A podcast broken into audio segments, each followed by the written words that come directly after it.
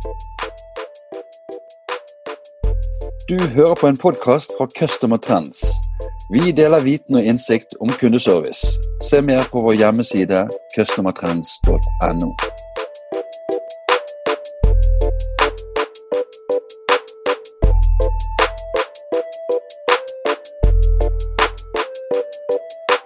Hei, og velkommen til en eh, ny kundeservice-podkast. Mitt navn er Bjarte Lysand fra Customer Trends. I dag skal vi snakke om eh, den vanskelige samtalen og eh, etterarbeidet etter denne. Og det er en stor glede for meg å ønske velkommen til dagens gjest, nestleder Carl Dag Bærug fra Kirkens SOS Bjørgvin. Velkommen, Karl. Tusen takk, kjekt å være med. Hvordan står det til med deg i dag?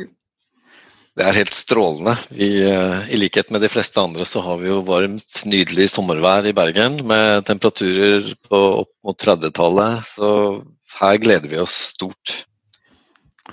Det er kjekt å høre. Skulle vi starte Karl, med at du fortalte litt om deg selv og om eh, Kirkens SOS? Eh, ja, jeg er da, som dere hører, østlending, oppvokst på Ås. Eh, flyttet til Bergen i 81 og er siviløkonom fra Handelshøyskolen her. Jobbet i 16 år i Konkurransetilsynet her i Bergen som regionsjef. Og mens jeg var der, så var det en venn av meg som også var økonom og journalist, som utfordret meg til å bli med som frivillig medarbeider i dette som da heter Kirkens SOS, som jeg da ikke hadde noe kunnskap om på forhånd. Men uh, slik han la det fram, så appellerte dette til min nysgjerrighet. Både i forhold til å, å, gjøre noe godt for samfunnet og for andre, og like mye det å lære noe nytt og tørre å gå litt utenfor min egen lille krets av venner og, og familie. Så jeg uh, begynte som frivillig der mens jeg jobbet i Konkurransetilsynet. og etter hvert så har det da blitt jobben min, og jeg har nå faktisk vært ansatt her i 18 år som nestleder. Og hadde da syv år som frivillig før det, så jeg har vært her i faktisk 25 år og jobbet med dette. Men det lærte sånn, det var jo at det er egentlig et uhyre enkelt konsept, hvor vanlige mennesker i all full bredde kan bety en avgjørende forskjell for andre mennesker som er midt inne i noe krevende. Uh, og det tenkte jeg det, det berørte meg sterkt at av og til så skal det så lite til for å gjøre en uh, stor forskjell for et menneske som er midt inne i kanskje sitt livs, livs mest krevende situasjon. Så uh, jeg startet med litt sommerfugler i magen og Eh, betydelig spenning knyttet til hva dette var for noe. Men eh, jeg må innrømme at eh, dette veldig fort ble viktig i livet mitt. Jeg fikk oppleve å lære masse.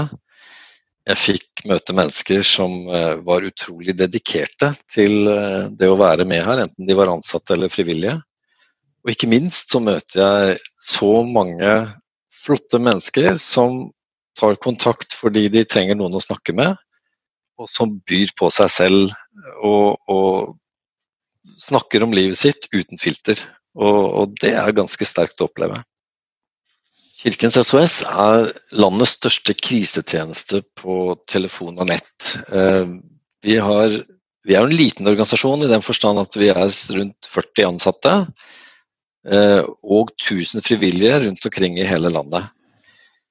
Og vi svarer på vanligvis rundt 500 samtaler hvert eneste døgn. 365 dager i året. 24 timer i døgnet. Eh, og det er et tilbud som er åpent for alle alltid, uansett hva temaet måtte være. Men vi tenker så lenge et menneske trenger å snakke sant om krevende ting i livet sitt, så er vi der. Og vi har tre kanaler. Det ene er telefon, som er størst sånn sett, og alltid åpent. Vi har en SOS-meldingstjeneste der mennesker kan skrive inn til oss og få svar i løpet av et døgn, 24 timer. Og vi har en chattetjeneste som er åpen hver kveld og enkelte netter, og som vi jobber for å bygge ut slik at det også blir det meste av døgnet. Eh, og vi møter mennesker i alle aldre. Vi møter eh, fra 10-12 år og opp til 100 pluss. Vi møter mennesker i alle slags sosiale settinger og, og temaer fra direktøren eller legen eller presten som kanskje alltid har vært en hjelper, men som nå plutselig opplever å stå hjelpeløs, eh, til de som kanskje har følt seg litt på siden av samfunnet fra tidlig ungdom og, og kanskje har vært uføretrygdet store deler av livet sitt. Så vi møter hele denne bredden i tema og bakgrunn. En ting jeg lurte på, det var dette med Du nevner telefon. Eh, er det sånn at dere har et, et vanlig telefonisystem til å håndtere den køen som eventuelt måtte oppstå? Ja, vi har et, et felles landsdekkende telefonsystem med et felles nummer. Slik at de som ringer vil alltid bli rutet til det nummeret, eller den linjen som er ledig, som har ventet lengst. I den grad det er eh, ledig nummer. Vi opplever jo dessverre kø av og til. Og, og, den telefonplattformen vi har, den, eh, den, vil da alltid sende til den medarbeideren, enten han sitter i Tromsø eller i Kristiansand, som har ventet lengst. Jeg lurer på dette med, med, med kø og, og, og, telefon.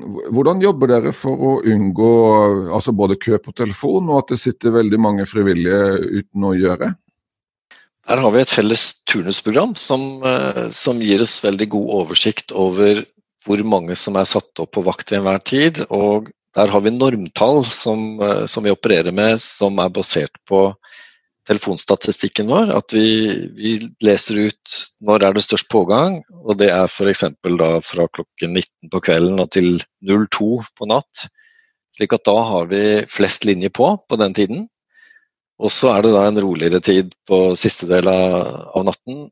Litt rolig på morgenen, og så øker det på utover dagen. Så den felles vaktlisten som gjelder for hele Norge, som disse 1000 frivillige medarbeiderne da settes inn i, den er da styrt ut fra når pågangen er størst. Fordi de frivillige medarbeiderne vil jo selvfølgelig være interessert i å, å være på vakt når de har mye å gjøre. De er jo her for å gjøre en jobb.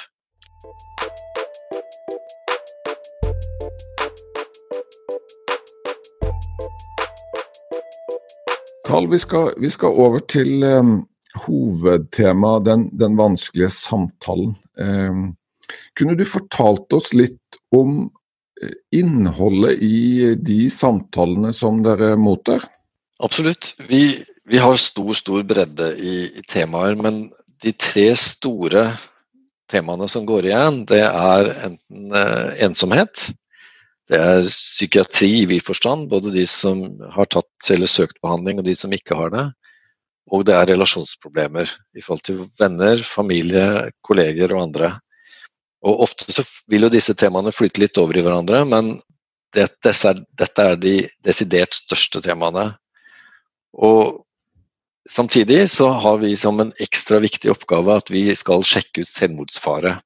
Så vi vil, så langt vi får det til, sjekke ut i alle samtaler om det er et tema som ligger under der.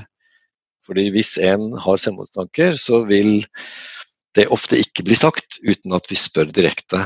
Og vi har veldig god opplæring i dette til alle våre frivillige, slik at de skal være trygge i å tørre å gå inn og sjekke ut om det er et tema. Du, du, nevner dette med trening, og det var et, et spørsmål jeg hadde forberedt. Eh, kan, kan, du fortelle litt om, om, hvordan du setter de frivillige i stand til å, til å, sitte på denne køen? Vi starter allerede med, ved rekrutteringen at når mennesker vurderer å begynne som medarbeider hos oss, så må de gjennom en, en egentlig vanlig tilsettingsprosedyre hvor de må fylle ut en relativt grundig søknad. Eh, de må på et intervju eller en samtale. Vi sjekker referanser. Og deretter så må alle gjennom et 40 timers kurs der vi jobber mye med hvordan de skal møte disse ulike temaene som, som vi møter på krisetjenesten. Og i dette kurset så vil de også ha, få mye øvelser og praksis som, som gjør at de tør å stille de vanskelige spørsmålene. Og ikke minst at de får kjenne litt på hvordan er det godt å bli møtt. Hvis du har det vanskelig, hvordan er det ok å bli, bli, møtt? Og hvilke spørsmål er gode, og hvilke er ikke så gode? Så Det handler veldig mye om, om praksis. Ikke så mye forelesning, men veldig mye type rollespill, øvelser. Kjenne litt dette selv. Hvordan du selv ønsker å bli møtt hvis det er du som er inne i ditt livs krise og skulle ønske du hadde noen å snakke med. Jeg lurte på om du kunne eh, være enda mer konkret, eller gi et eksempel på denne, på denne treningen. Ja, noe av det som er grunnleggende her, er jo at den vi snakker med, den er ekspert på eget liv. Det er ikke våre medarbeidere som skal komme med løsning og fasitsvar på hva den andre trenger å gjøre. Og dette er nærmest en grunnholdning som vi jobber med og jobber ut fra hele tiden. En plattform. At når vi møter en som sier 'jeg aner ikke hva jeg skal gjøre, livet mitt er i grus', jeg, jeg er sliten, jeg er lei, jeg klarer ikke ta valg', så skal vi likevel hele tiden tenke at jo, jeg tror du er i stand til å ta gode valg, men akkurat nå er du i en situasjon der alt er kaos. Og når vi da stiller åpne spørsmål, f.eks. Vi hører selvfølgelig litt på hva som har skjedd, men så kan vi gå over til hva er det du trenger nå? Akkurat nå. Så her og nå-fokuset er kjempeviktig, og gi den andre masse rom til å være i det kaoset de er i. Vi skal ikke prøve å trekke de etter håret og si hør nå her, ute er det fint vær og sol, nå må du gå ut og glede deg over livet. Vi skal tåle å være i dette mørket som den andre befinner seg i. Og for de fleste av oss er det en ganske uvant rolle, fordi er det én ting vi er drillet i hele livet fra barneskolealder, så er det jo at vi skal fikse ting og løse problemer. Og så sier vi at nei, først skal du lytte ordentlig, Sitte ned ved siden av, holde munn, kanskje ganske mye innimellom. Og så kan vi kanskje begynne å nøste i ting. F.eks. da stille dette spørsmålet Når alt dette nå har skjedd i livet ditt, hva er det du trenger nå? Hva er det jeg kan gjøre for deg? Og så må vi selvfølgelig finne ut om, om eh, det de eventuelt ønsker seg er noe vi kan tilby, men, men vi skal alltid prøve å gi de troen på at at de er i stand til å ta gode valg når de først har fått lov å jobbe lenge nok med det de står oppi.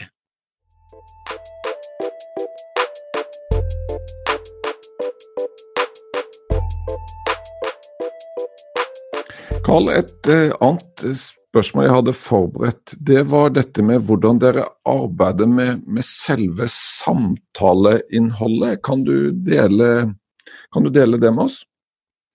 Ja, der, der, har vi en enkel, men veldig god modell som virker godt for oss. Der vi har en tredeling. Se, støtte, styrke. Og hvor C, som er liksom innledningsbiten, handler jo om å møte den andre, skape en trygghet, etablere kontakt. Og etter hvert avklare hva, hva er dette for slags samtale, hva er det den andre trenger, hva er det vi eventuelt kan bidra med her. Så dette, denne første biten av samtalen er jo utrolig viktig, men hvor vi etter hvert kanskje spør Når du tok kontakt med meg i dag, hva var det du trengte da?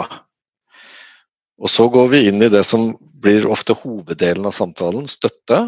Hvor den andre da deler livet sitt, eh, forteller om krevende ting i livet sitt. Hvor vår jobb i stor grad handler om å sette oss litt rolig ned ved siden av. Eh, bekrefte den andre når de begynner å fortelle. Si at 'dette er fint, fortell meg mer'. Spør når vi syns noe er uklart. Så vi, vi, prøver hele tiden å sjekke ut om det vi tror vi har forstått, det vi tror vi har lyttet til, er det den andre faktisk prøver å formidle til oss. Så det å sjekke ut underveis om vi er eh, på samme sted, det er en viktig ting. fordi veldig ofte så kan du bli sittende litt passiv og lytte lenge.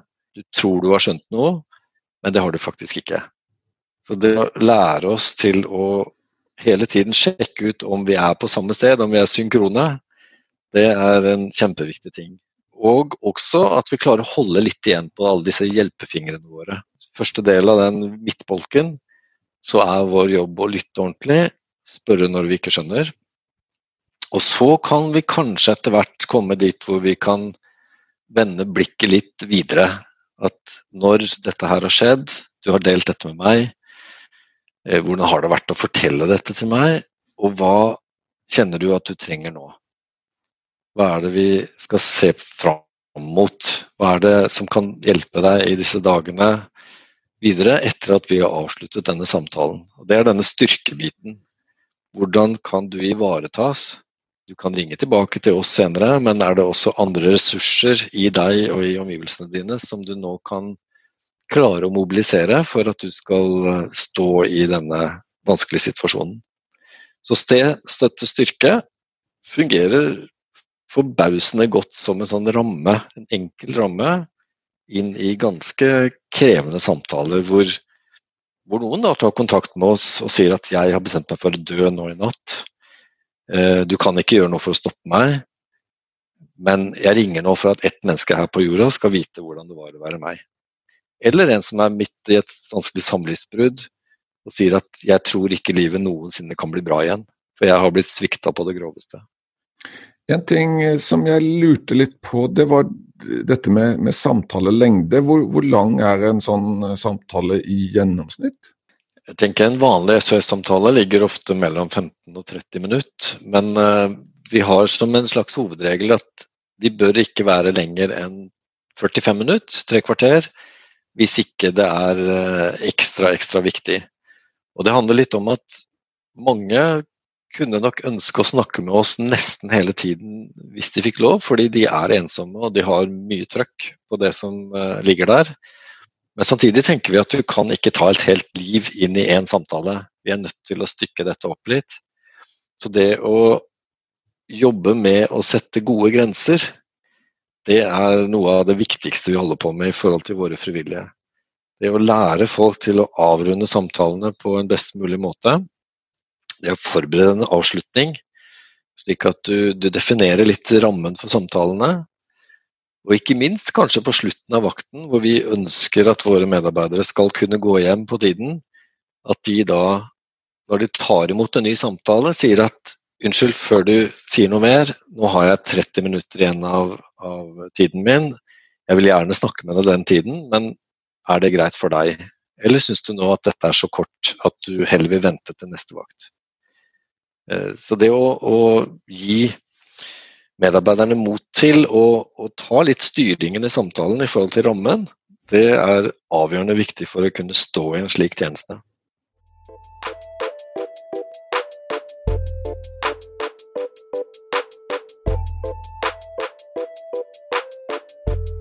Det tredje eh, hovedspørsmålet jeg hadde forberedt, det var dette med, med medarbeiderne. Og Jeg lurer fælt på hvordan, hvordan, dere ivaretar de, eller de frivillige, mener dere. De frivillige. Hvordan, hvordan ivaretas eh, de eh, frivillige?